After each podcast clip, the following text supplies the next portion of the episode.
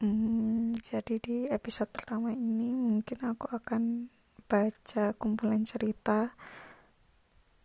Aku pilih beberapa judul dari buku Lautan Langit punyanya Kurniawan Gunadi.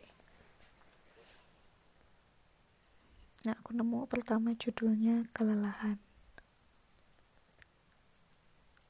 Kelelahan.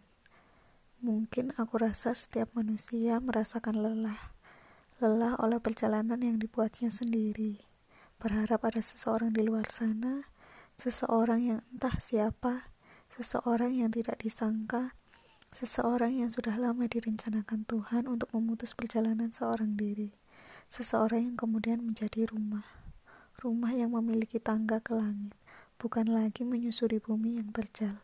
Aku sendiri berharap ada yang bisa memutus perjalanan ini perjalanan panjang yang begitu melelahkan.